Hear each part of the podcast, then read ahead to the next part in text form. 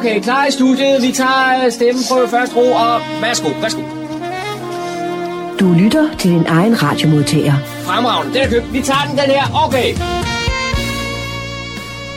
Så kan jeg sige goddag og rigtig hjertelig velkommen her til programmet, der hedder Morgenkrøderen. Mit navn er Kurt Kammerskov, og de næste to timer skal vi have lokale indslag. Vi skal høre noget om i dag, der er indgået et bredt øh, budgetforlig øh, her i vores kommune. Det er der andre kommuner, der har meget problemer med. Men uh, det er der så løber igennem her i vores kommune, og vi talte med en af de politikere bag uh, budgetforlig for at høre, hvordan det, det gik med at, at blive enige om det store, øh, de, de mange penge, som det er at indgå et budgetforlig. Så skal vi også høre noget om øh, John Marco. Han har haft en, en samtale med Paul, Paul Tempels. Det er ham, der for nylig her øh, modtog årets ildsjælspris. Vi havde noget sidste søndag ved prisoverrækkelsen. Nu har John Marco så øh, mødt ham privat og får en snak om øh, noget med hans baggrund. Hvad med han er, hvor kommer han fra, hvorfor gør han det? Og det skal vi også høre af i formiddag. Så har John også været ude på overdrevet. Ja, det er i overført betydning, forstået på den måde, at det er over, på overdrev øh, i Nødebo, Nødebo overdrev, overdrev hus. Der har været en efterårsudstilling ude, som John han besøgte, og talte med nogle af de, der var med derovre øh, ude på udstillingen. Det skal vi også høre noget om. Så har vi nogle lokale øh, nyheder, som Daniel han står for, løber der formiddagen også. Det er faktisk det, jeg vil sige her fra starten. Velkommen til Morgenkrøden, og rigtig god fornøjelse.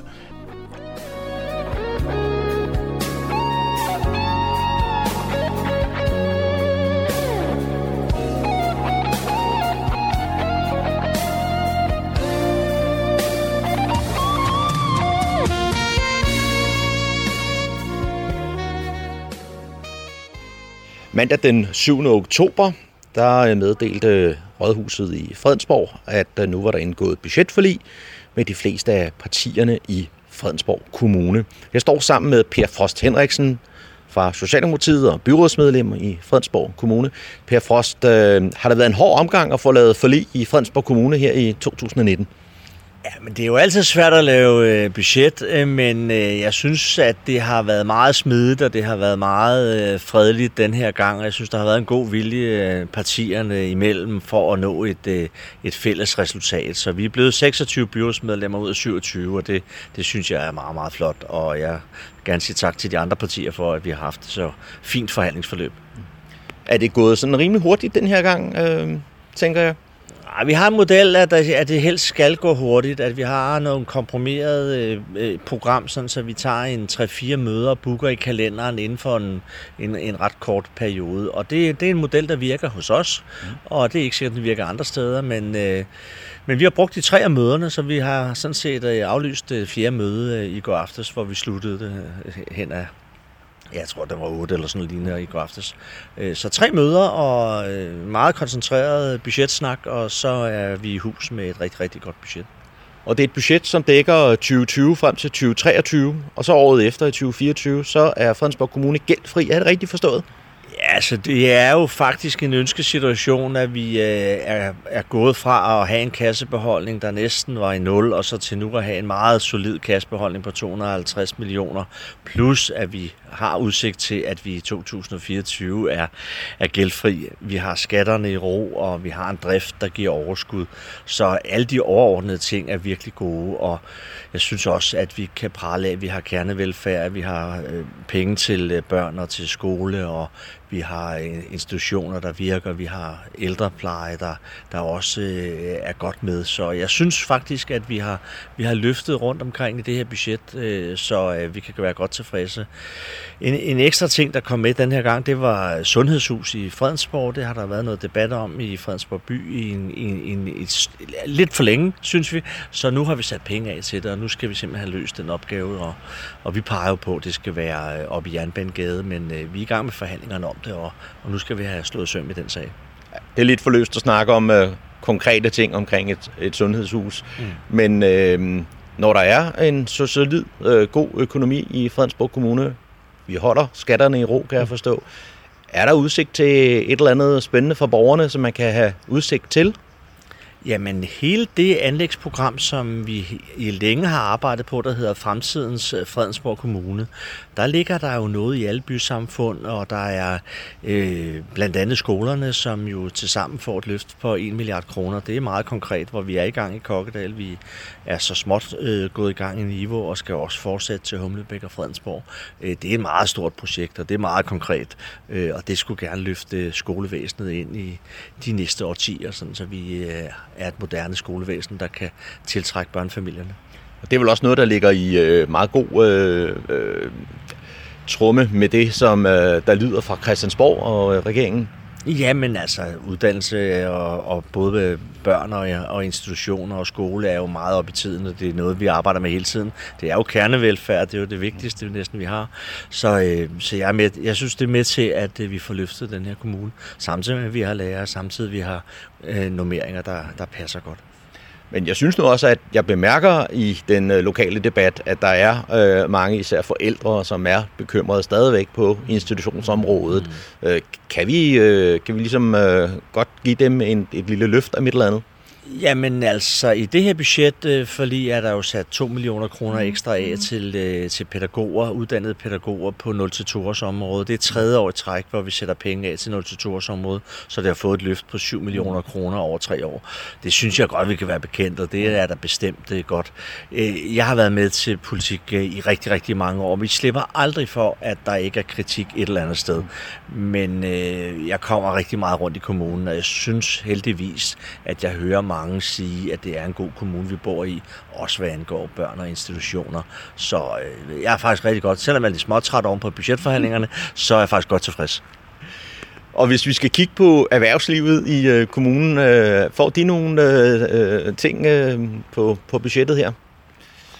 Nej, ja, der, er ikke, der er ikke noget øh, særskilt øh, sat af. Det er andet end, at vi holder selvfølgelig dækningsafgiften i ro, øh, og, ligesom de andre skatter. Og, øh, og, og så vi har jo et fint forhold til, øh, til erhvervslivet. Vi har, har gode rammeaftaler også, så vi, vi prøver så godt vi kan at øh, og, og, og holde den dialog. Det gør vi bestemt.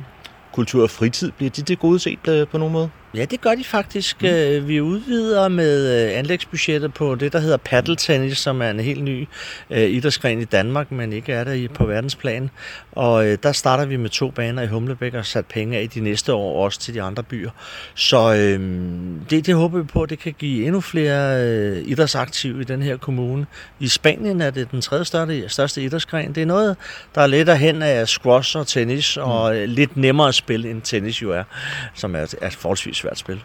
Jeg har også hørt noget om noget, noget, et poloanlæg. Øh, er det noget, du kender til? Ja, men jeg har været der øh, og endda set kampe dernede. Det ligger nede ved Lyngbegård i Nivå mm. med udsigt ud til Øresund, og det er et privat øh, foretagende mm. Copenhagen Polo Club, som, som kører helt kommercielt, som er et virkelig, virkelig spændende tiltag, mm. og, og, og, og meget seværdigt spil, og også noget helt, helt anderledes, end vi er vant til i Danmark. Og setup'et er helt anderledes med, med tilskuere og øh, champagne og rosé, og, og det der er der et klientel til os. Så øh, det, det, det er fint, at der er en, en stor blanding og en stor palette. Nu snakker vi lidt om de der positive ting, der er i det nye øh, budget i Fredensborg Kommune. Har der været nogle, nogle knaster, nogle ting, hvor, at, øh, hvor I bliver nødt til at, øh, hvad kan man sige, give op? Nej, det synes jeg ikke. Jeg synes ikke, vi giver op på mm. noget, af, noget af budgettet, men jeg, jeg, jeg tænker da, at hvis vi havde en serviceramme, øh, hvor der var ubegrænset øh, brug af penge, øh, så ville vi nok øh, give flere penge til institutioner, flere penge til skole, mm. flere penge til ældre, flere penge til de specialiserede områder. Men der er jo en, en lov, en budgetlov, som vi skal overholde, og det gør vi selvfølgelig. Men der er jo så et enkelt parti, der står uden for den her budgetaftale. Øhm, hvad skyldes det?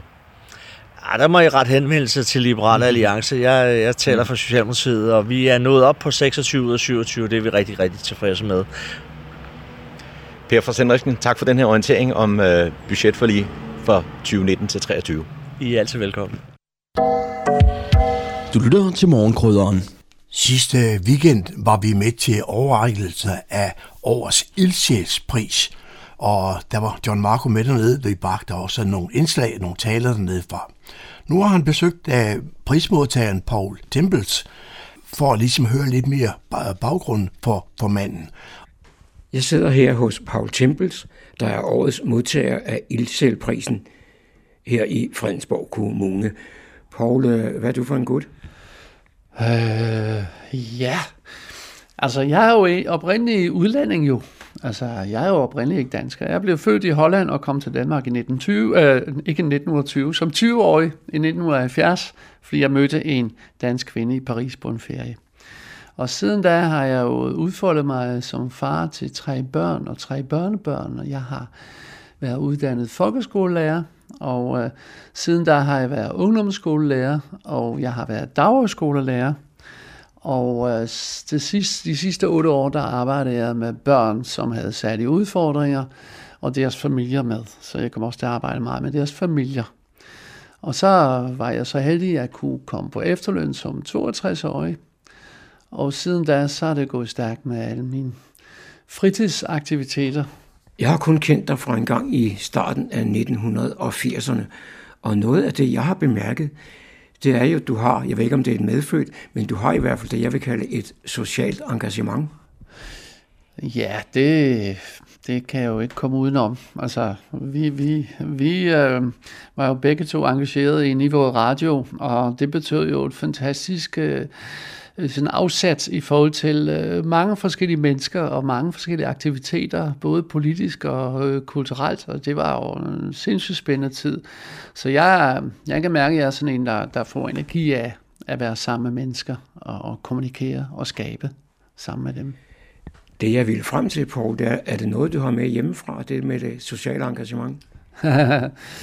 jo, altså, jeg voksede op i en familie med syv børn, og, og vi var i alt øh, ja, to forældre, syv børn, ni mennesker, og så havde vi underkøbet en lejer i huset, så det var meget tæt, øh, et lille rækkehus, øh, så vores, vores sociale råderum var, var sådan meget lille, øh, men samtidig var vi jo omgivet af kommunikation og opgaver og diskussioner og hvad ellers er, øh, og en skoleklasse var normalt på øh, 30-35 elever, så der var mange, mange mennesker, både på gaden og indenfor øh, og udenfor.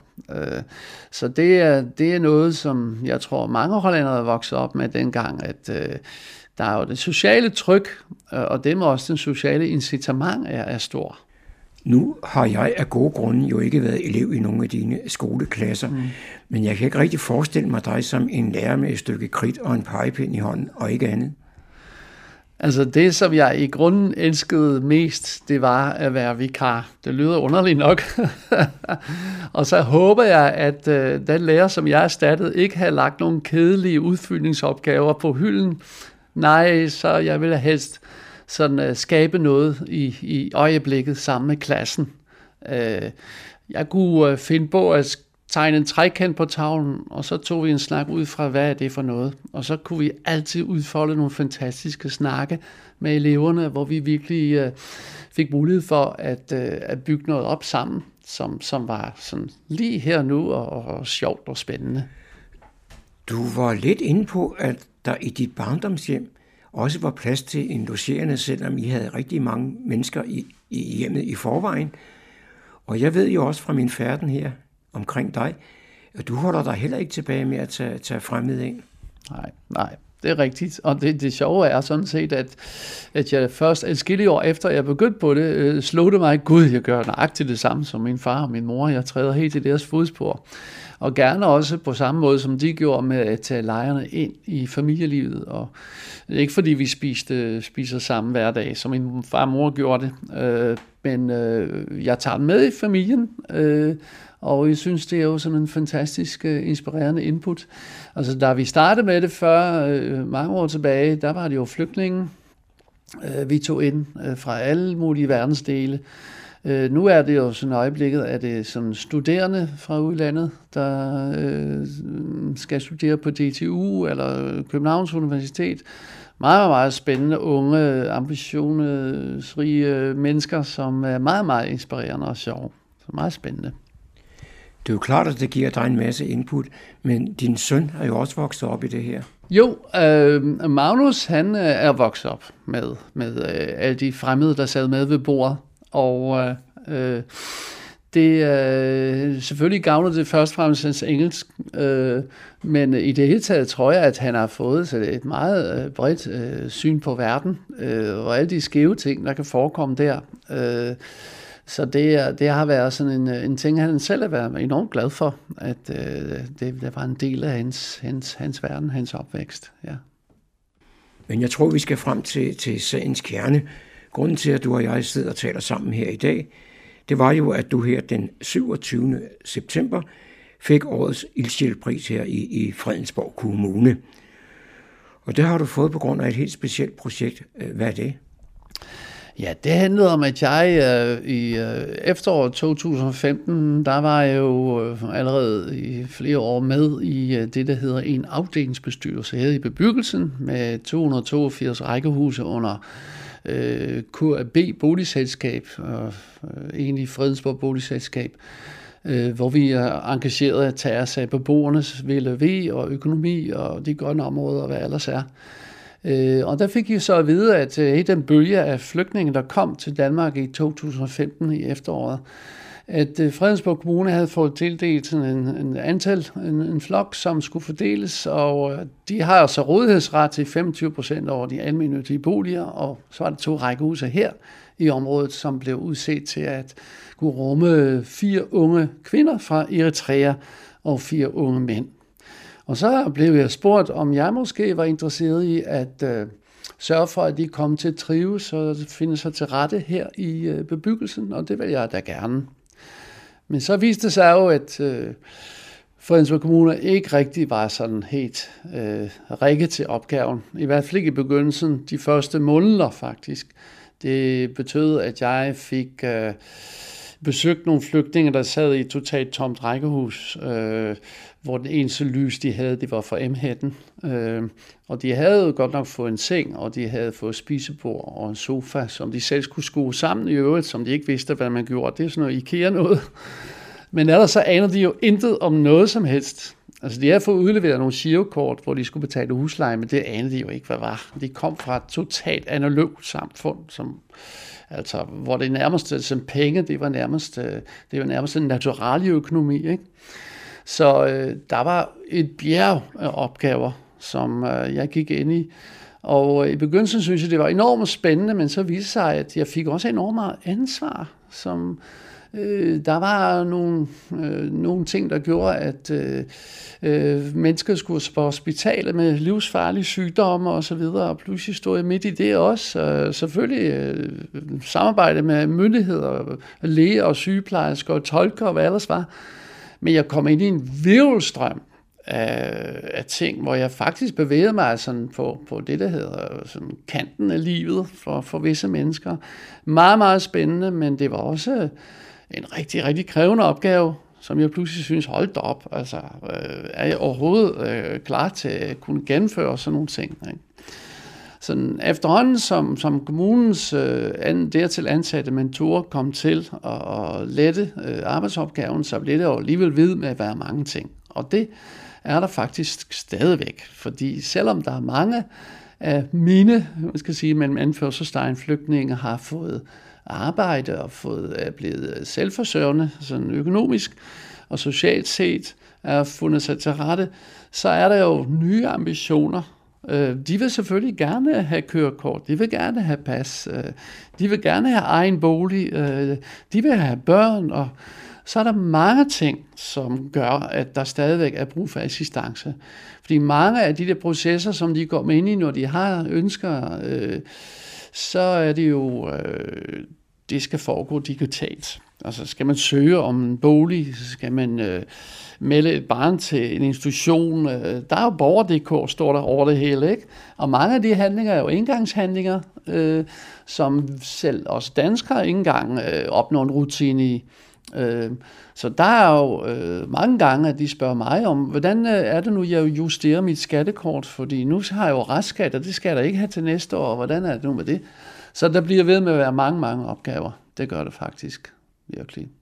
I den samme periode, som du nu har haft noget at gøre med disse folk fra Eritrea, der har man jo også haft et andet projekt her i området, der hedder Flygtningevenner. Det kolliderer ikke med hinanden? Øh, ja, altså jeg har haft et, et fantastisk og fortsat øh, rigtig, rigtig godt samarbejde med flere af dem fra flygtningevennerne. Øh, Øh, der er blandt andet et, et ægtepar, som er godt op i 70'erne begge to her i, i niveau, som har slidt og slet med bilkørsel og trailerkørsel og flytte møbler og, og mange ting, som også har meget viden, som jeg har kunnet trække på. Øh, al respekt for, øh, at de på trods af alder og et liv med børnebørn og alt det der, har haft tid og øh, ork til at øh, gå ind i sagen.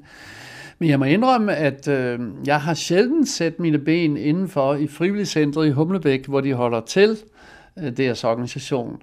Fordi jeg er simpelthen bare så hunderad for, og de har også sagt til dem, at I ser ikke mig særlig meget, øh, fordi jeg er bange for, at der bare kommer flere ting, som jeg bliver inspireret til, eller føler trang til at gøre noget ved. Så ja, jeg holder mig væk. det har jeg faktisk gjort. Nogle af de opgaver, du er kommet til at påtage dig her de sidste 4-5 øh, år mm. omkring disse flygtninge, det må jo også have været nogle ting, som har påvirket dig meget. Ja, absolut. Øhm, fordi øh, altså bare deres personlige beretning om, hvordan de kom til Danmark. Øh, der var flere af dem, som øh, tog turen fra Eritrea øh, først til fods til grænsen til Sudan, og så derefter så kunne man jo for en 2.000 dollars få en tur på en lastbil, hvor man skulle stå op hele turen, to-tre dage, måske fire dage kørsel. Man fik udleveret en, en en halvanden liters plastikflaske med noget vand, og så der var ikke noget mad eller noget. Øh, og så, øh, så blev de stoppet af sådan nogle landvejsrøvere, øh, og øh, dem, der havde de bedste mobiler, de blev taget fra, fordi så kunne jo kræve penge, løse penge. Og to af mændene, som ude de fire, øh, der kom her, øh, de berettede, at de havde siddet i den sudanesiske ørken øh, og skulle vente i den ene i to måneder, den anden i fem uger på, at familien solgte en bil eller et hus og, og kunne mønstre de penge, der skulle til, for at de kunne øh, videregives. Og så fader øh, videre, så hvordan de lå og hulter til bulter der i, i Tripoli og vente på at få øh, øh, turen, få lov til at betale til øh, godt, øh, en god pris, øh, turen til øh, Italien over øh, Middelhavet. Det var jo også en hårdrejsende beretning, altså, hvor, hvor en af dem øh, fortalte, at, at de flød rundt i en gammel rusten båd, det er godt nok ikke en gummibåd, men der var simpelthen bare så varmt, og motoren satte ud, og de flød fuldstændig retningsløst rundt, og der var tre døde, der blev smidt over bord, og to af dem var børn.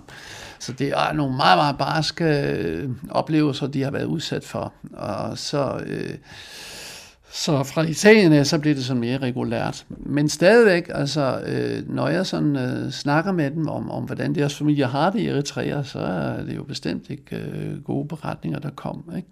Øh, og øh, også at, at de, de, de havde det jo enormt svært øh, her i starten i Danmark, hvor de ikke kunne sove, fordi der er mange af de der oplevelser og deres bekymringer, de kørte rundt i hovedet på dem, og det var jo svært for mig at gøre andet ved at lægge øre til. Og det var de selvfølgelig også meget glade for, ikke? Men det har berørt mig dybt, at, at de mennesker, som er her i Danmark i dag, er meget, meget afbalanceret og rolig på trods af alt det, de har været igennem. Jeg synes, jeg er fuld af respekt for den styrke, som de repræsenterer, og også det livsklogskab, de har i forhold til at forstå deres situation og de opgaver, de står overfor. Så hatten fuldstændig er for det. Betyder det, du siger der, at der på den der lange vej sydfra og så op til, til det skønne nord, er rigtig mange mennesker, der lukrerer på disse mennesker? Ingen tvivl om det. Det er jo det er nogle penge, som de stadig betaler tilbage til. Her selv efter fire års ophold i Danmark snart. Øh, der blev betalt øh, tusindvis af dollars øh, til, til menneskesmuglere, som udnyttede den på, den, på det groveste. Øh, men de var jo fuldstændig værveløse. Altså, det, det, det, deres dagsorden var at nå frem, øh, så, så uskat det nu kunne lade sig gøre. Øh, og så øh, takket være mobiltelefonerne, så kunne man altså formidle penge øh, videre på den måde. Øh, men mange, mange penge. Så de penge, som de tjener i dag, en del af dem går stadigvæk til betalt tilbage til familien i Eritrea, som har lagt ud. Ikke? Ja, rigtig mange penge. Du fortalte, at nogle af disse flygtninge har ligget søvnløst om natten. Øh, hvad med dig selv?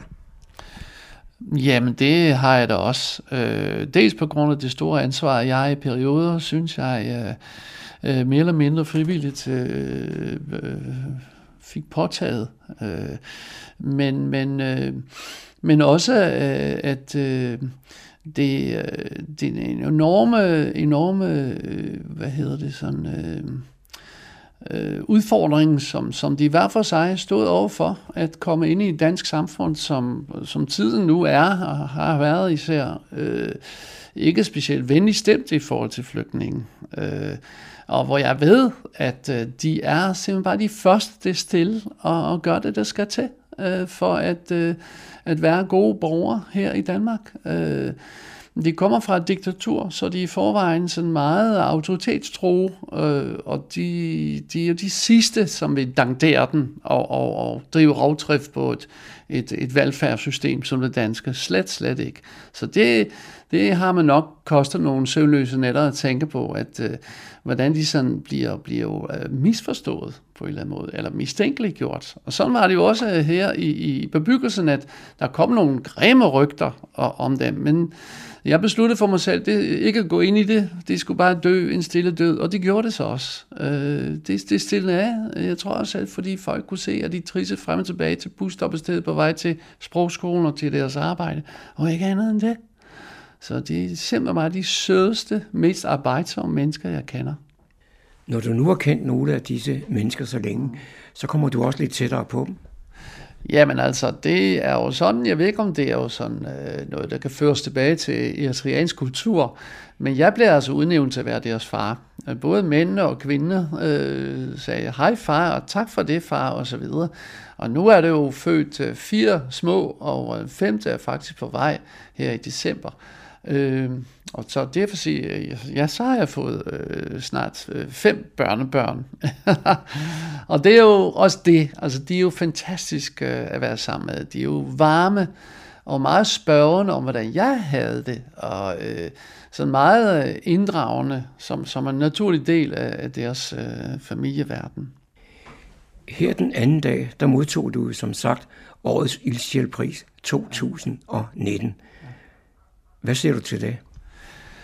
Jamen, øh, jeg vil næsten sige det samme, som jeg sagde de få år, jeg, jeg kom med, efter jeg modtog den, at øh, jeg føler, at der er jo mm, lige så mange andre, der, der knokler som frivillige, som jeg sådan har stiftet bekendtskab med. Øh, meget inspirerende og, og øh, fantastiske mennesker. Øh, Øh, så jeg følte, at jeg fik lov at repræsentere dem og tage mod prisen, men stadigvæk, at jeg repræsenterer de frivillige her i kommunen som, som en, en uundværlig arbejdsstyrke.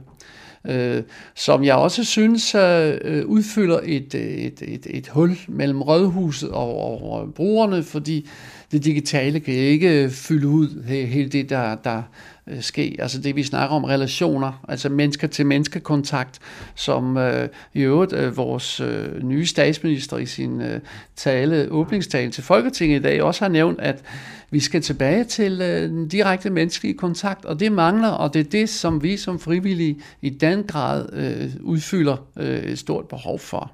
Ja. Det var John Marco, der havde produceret dette indslag. Det her er Fredensborg Lokalradio, Radio Humleborg på FM 104,3 MHz. Klik også ind på vores hjemmeside, www.humleborg.dk og følg med i, hvad der sker lokalt i Fredensborg og omegn. Så er det igen blevet tid til lokale nyheder og informationer for Fredensborg og omegn, hentet fra humleborg.dk, oplæst redigeret af Daniel Jørgensen. God og sammenhængende kollektiv transport er afgørende for borgerne overalt på Sjælland. Men det er ikke altid bus og tog dækker hele vejen til sommerhuset eller til gården. Derfor arbejder Movia tæt sammen med kommunerne og regionerne om at sikre mobilitet for alle. Og her fra den 1. oktober blev plusture også en del af rejseplanen i Lolland, Furesø, Tornby, Vandelsbæk og Fredensborg kommuner.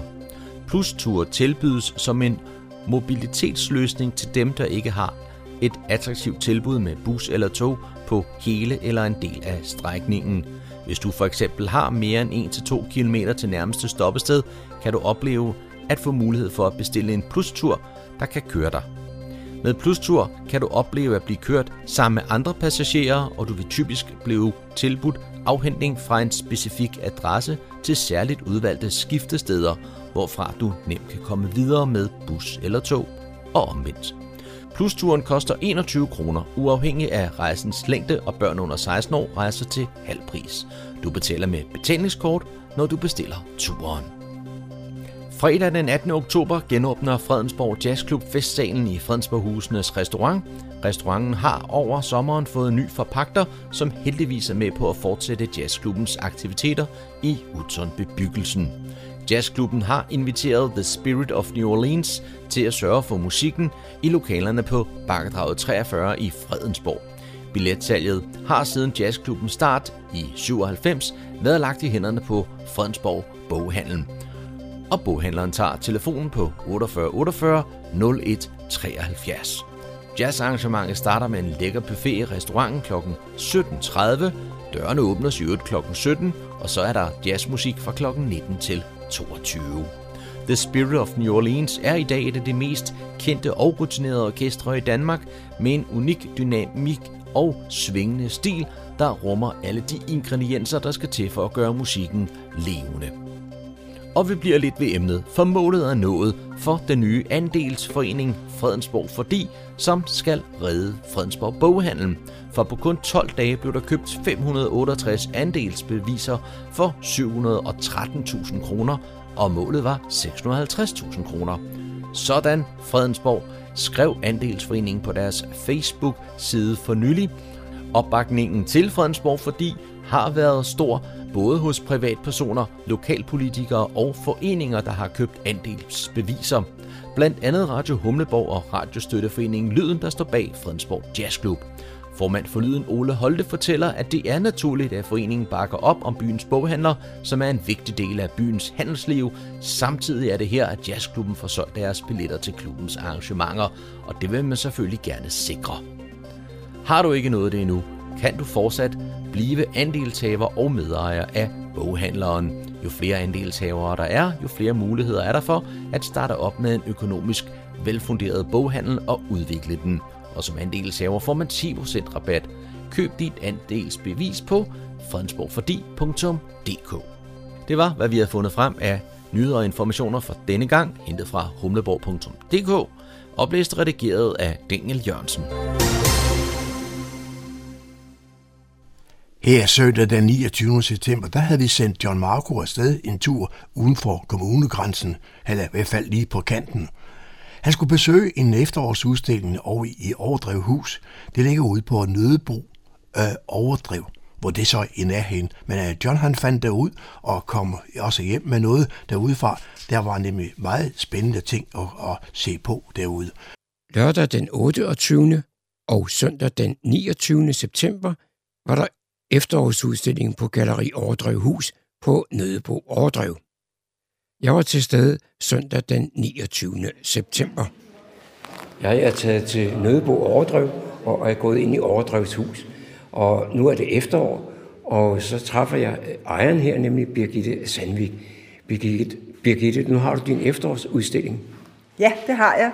Det er øh, tradition efterhånden jo. Jeg holder en forårsudstilling og en efterårsudstilling og inviterer mellem tre og fem kunstnere hver gang. Og den her gang har jeg valgt nogle rigtig spændende nogen. Der er to tekstiltrykkere. Øh, der har jeg endda den ene tekstiltryk på, som er på silke. Det er Katja Bie, som laver H.C. Øh, Andersens eventyr, trykker hun på silke. Det er ekstremt flot. Og den anden, hun laver øh, viskestykker og tehætter og så videre, hvor hun trykker også tørklæder og sådan noget. Det er meget smukt i, og begge to uddannede tekstiltrykkere. Og så har jeg en keramiker, og så har jeg en trædrejer.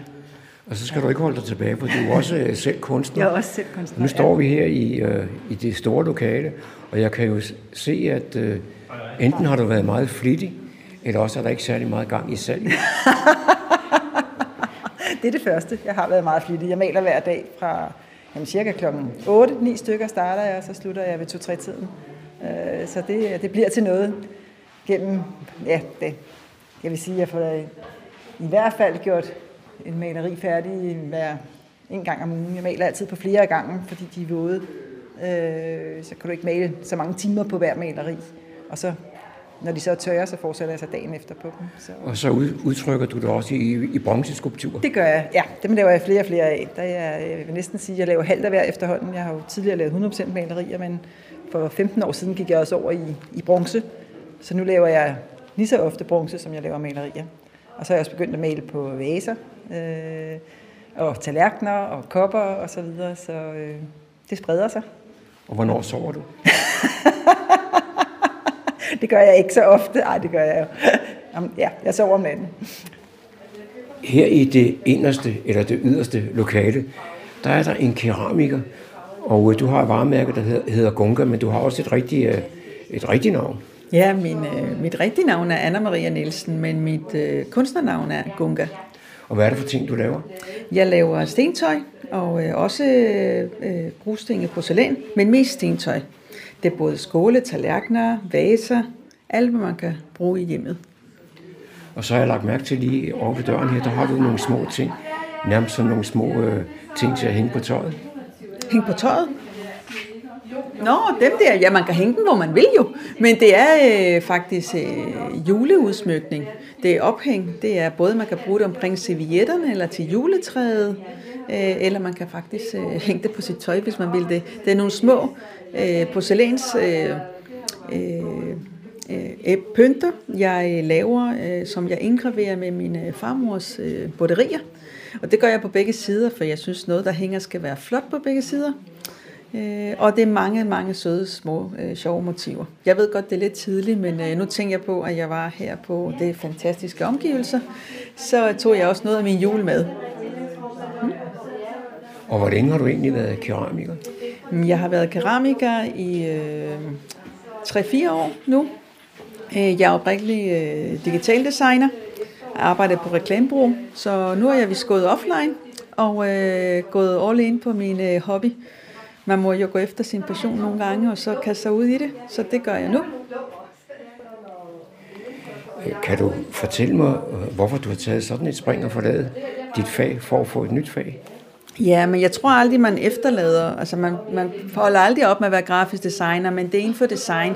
Jeg tror jeg bare, jeg har skiftet læret ud, øh, så man kan ligesom udtrykke sig på en anden materiale. Jeg synes, det er fantastisk, at når man øh, arbejder med keramik, med ler, så kommer der et tidspunkt, hvor det ender i et produkt, som er et stenprodukt, der ikke kan laves om. Og i det medie, jeg er vant til at arbejde med, der kan du altid lave det om. Man kan altid øh, komme med nye øh, udgaver, man kan altid lige skifte farve. Så jeg synes, det er fantastisk, at den har sin grænse øh, og er så følsom. Øh, og man kan lave noget, som øh, kan vare for evigt. Øh, en hjemmeside kan man jo bare slet igen. så er jeg gået ud i orangeriet, og her der møder jeg Katja Bie. Katja, hvad er det, du har med? Jeg har øh, tekstiler med øh, historiske motiver fra Skandinavien.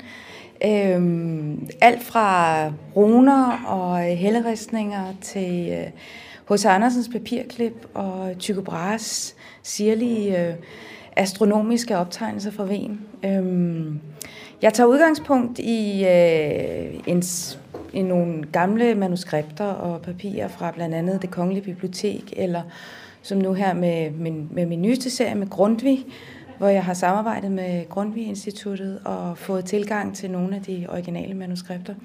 Og så bruger jeg dem så i mine tekstiler, primært tørklæder og slips, men også øh, kjoler og tunika og kimono. Nu siger du tekstiler. Hvad materiale arbejder du i? Jeg arbejder mest i silke. Øh, der kan man få de mest sådan fine og tydelige øh, tegn frem, når det nu er, er håndskrift, øh, jeg arbejder med. Men jeg har også nogle enkelte ting i øh, uld og, øh, og bomuld. Øh, fordi jeg sælger primært til museumsbutikker rundt omkring. Altså, jeg har en baggrund som tekstildesigner, og så er jeg meget historieinteresseret. og, øh, og derfor så var det sådan en fantastisk kombination. Og, øh, og så synes jeg, at der manglede nogle ting på museerne rundt omkring i, øh, i Danmark og Skandinavien, som ligesom fortalte vores historier, øh, hvor man i mange andre kulturer bruger øh, den lokale historie øh, som en helt naturlig del, der, der synes jeg, at vi har, har tabt det lidt nogle gange og, øh, og bruge det. Så, øh. Og så er der et, et eller andet, der indikerer, at du ikke er særlig bange for farver. Ja, det er der, men det er også... Øhm, altså, jeg, jeg går, tager udgangspunkt i de enkelte øh, temaer, Øhm, og nu her for eksempel med, med øh, jeg har et tørklæde med, øh, med motiver øh, fra Kronborg og Rosenborg og Frederiksborg Slot, hvor det er sådan af og jerngitre og monogrammer. Men der har jeg så alligevel gået ind og set, sagt for eksempel, når man, øh, den øh, irrede grønne fra, fra tagene, den har været en, en bærende farve i, øh, i, i det design, og så forskellige elementer rundt omkring. Og man kan jo sige med H.C. Andersen, han lavede jo alle sine fantastiske papirklip og collager øh, og billeder, som også var meget farvestrålende. Og der er også mange af de ting, altså for eksempel min serie med, fra, med runer og, øh, og, øh, og helleristninger, der har runer, altså runesten, har jo også tidligere været bemalet, så, så det med farver ligger ikke så fjern fra, fra kulturen, kan man sige, i dens oprindelige form. Nu kører Danmarks Radio, eller Danmarks TV i øjeblikket en serie om H.C. Andersens håndskrifter. Det er ikke dig, der har fået fingrene i dem? Nej, det er det ikke. Det er ikke mig, der har løbet med dem. jeg har samarbejdet med H.C. Andersen Museet gennem mange år, og lavet også ting specielt til dem, øh, som, som de kun har, har, har solgt af. Så, så jeg har været derovre mange gange og kigget, men det har altid været på den anden side af glasmontret. men jeg vil meget gerne have fingrene i sådan en original tekst. Det er helt sikkert. Jeg går stadigvæk rundt her på Overdrev Hus, og så møder jeg Bo Ellehave. Og Bo, du er trædrejer. Drejer. Det er. Jeg har drejet i træ nogle år efterhånden. Jeg drejer primært i, i E-træ, og i ahorn har jeg med her i, i år. Og det, der altid imponerer mig, det talte vi også lidt om, inden jeg startede optageren her, det er jo, at når man finder sådan en træklods, at den kan ende med sådan, for det første et kunstværk, og så er det meget, meget behageligt at røre ved. Ja, det er jo hele pointen af at faktisk at lave noget, der er varmt og rart at have i hånden, og som også udfordrer øjet måske, og har nogle spændende linjer at kigge på, men det er jo, som du siger, altid lidt et, et kunststykke at stå med sådan en rå træklods, øhm, og prøve at tænke på, hvad er det egentlig, der skal komme ud af det. Og jeg kan sagtens have en idé, når jeg starter, en forestilling om, hvad er det, der, der er inde i klodsen. Og så har træet sit, sit eget liv. Det har en vilje. Så det er ikke altid at det, jeg forestiller mig, at det er det, der kommer ud af klodsen. Nu det meste i øjenfaldene her, det er nogle ret store fade. Og der har du lavet traditionelle fade, og så har du også lavet nogle, der ligesom har en, en kant, der går ud over selve skålen. Ja, det er rigtigt. Øhm, det er et design, som jeg har arbejdet på nogle år faktisk, som jeg synes er sjovt. En skål handler jo både om, hvordan ser den ud ude på, men også om det her, som vi kalder det indre rum. Hvordan ser rummet ud nede i skålen.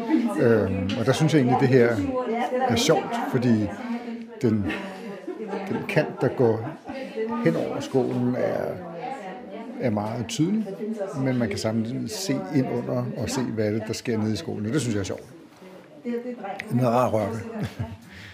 Og så har du også en familie med, havde jeg sagt, en pingvinflok. Ja, det er en øh, stor fugleflok, øh, og jeg tror, der er alle mulige former for, det kan være det pingviner, små spurve, eller duer, eller hvad det nu er. Øh, de er lavet lidt som et, en øh, for sjov. Øh, jeg synes, de er sjove at kigge på, og der er rigtig mange, når man går rundt i de her designforretninger, der har fugle. Og jeg synes alle sammen, de er meget ens, og de er ens, kan man sige, hver gang.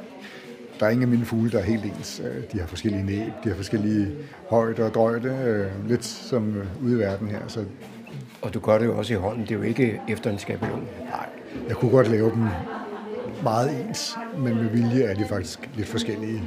Også for at udtrykke, at det træ, de kommer fra, er, er ikke standard træ. Nu er jeg jo fra en generation, hvor alle mennesker havde et træ i stuen, og det skulle jo have noget olie engang imellem. Hvad med det, du fremstiller her? Skal det også efterbehandles? Det skal det en gang imellem. Det, alt træ vil have godt af at få lidt olie en gang imellem. Det bevarer øh, gløden i træet. Øhm, og det gør, at det bliver lidt, mere modstandsdygtigt. Alle mine skåle er oliebehandlet fra starten af. De har fået noget, øh, noget god olie, som gør dem øh, parat, kan sige, parate til at bruge til fødevarer. Og man kan sagtens bruge en almindelig madolie øh, bagefter. Men et eller andet, der gør, at, at træet bevarer sin, øh, sin overflade. Lidt ligesom et træbord eller tigtræstoner derhjemme, så vi har godt af, af noget olie. Så er jeg gået hen til den sidste kunstner her på Overdrevhus, nemlig Marianne Peinau. Og Marianne, øh, du er stoftrykker? Jeg er stoftrykker, ja. Så jeg laver, jeg laver trygte tekstiler. Jeg laver viskestykker og tehætter og, og hætter til bodumkanner, og så laver jeg også øh, tørklæder, som jeg har med også. Ja. Er det noget nyt, du er gået i gang med, eller er det noget, du har gjort altid? Altså oprindeligt, øh, oprindeligt er jeg helt tilbage fra, da jeg var ung og var øh, stoftrykkerlev hos øh, en af vores øh, meget anerkendte designere, Susan Holm, inden fra Den Permanente. Det er mange år siden. Og så har jeg, øh, har jeg jo så valgt at, og har jeg jo hele tiden haft, hvad kan man sige, haft det lidt i, i gang, men nu har jeg valgt at gå meget ind for det nu her med mit stoftryk. Ja. Og så har jeg fået muligheden for at være med her i dag i de her fantastiske, smukke omgivelser her øh, i galleriet. Ja. Og så fornemmer jeg, at de farver, du anvender, de er sådan lidt, lidt afdæmpede. Det er det, ja. Jeg kan godt lide, øh, nu har jeg valgt her at tage efterårsfarverne og, og bruge naturen også. Øhm, og de ting, jeg trykker, er også inspireret af naturen, hvor jeg bruger blade, som jeg omsætter i, øh, på silketryksrammer og så arbejder med nogle kover, og samtidig også og laver, og laver, man laver også nogle grafiske ting. Øh, så det er sådan lidt, lidt blandet. Nu har jeg jo ikke særlig meget begreb om stoftryk, men du siger viskestykker og stoftryk. Øh, det betyder jo, at viskestykkerne de skal vaskes en gang imellem, men bliver det hængende? Det gør det. Det er farver, som er, er, er meget miljøvenlige, øh, gode også. Og øh, de bliver på, de bliver, de er fixeret på stoffet, og de kan tåle de her viskestykker at blive vasket på 60 grader. Og det er en øh, bomuldskvalitet, der er, der er farvet, også med nogle øh, gode farver. Øh, Remasolfarver hedder de, som er lysægte og farveægte. Så det holder. Så, øh, og jeg har også et viskestykke med, som er tre år gammel, øh, for at vise, hvordan det ser ud efter tre år og bliver brugt meget. Øh, og det kan det tåle, ja. Er der, er der stor interesse for de ting, du har med her? Jamen det er der, men der er også øh, mange, der siger, ej, de er jo for pæne at bruge. så det, det, øh, men det er jo meningen, man skal bruge det, fordi vi er jo, omgået, vi er jo omgivet af så mange øh, smukke ting efterhånden i vores hjem øh, og køkkener. Og det må også godt være øh, noget smukt og funktionelt, der er på væggen og brugbart. Det var John Marco, der havde produceret dette indslag.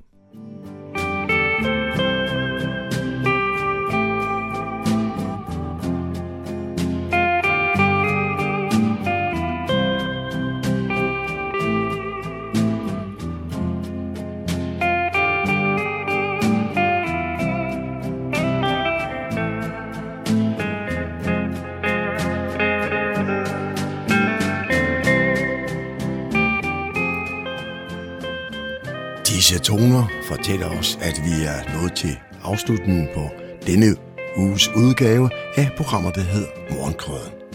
Her fra redaktionen, som består af undertegnet, jeg hedder Kurt Kammersgaard.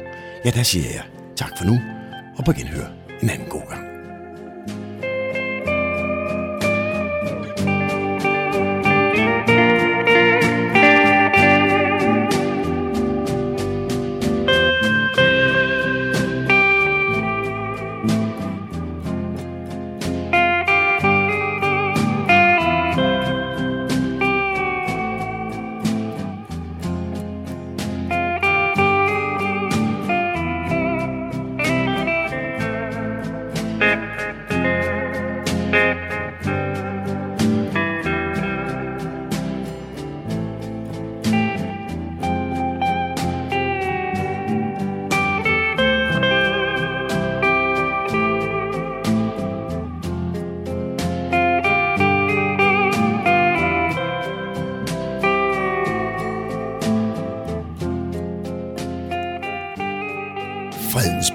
Lokalradio, Radio Humleborg.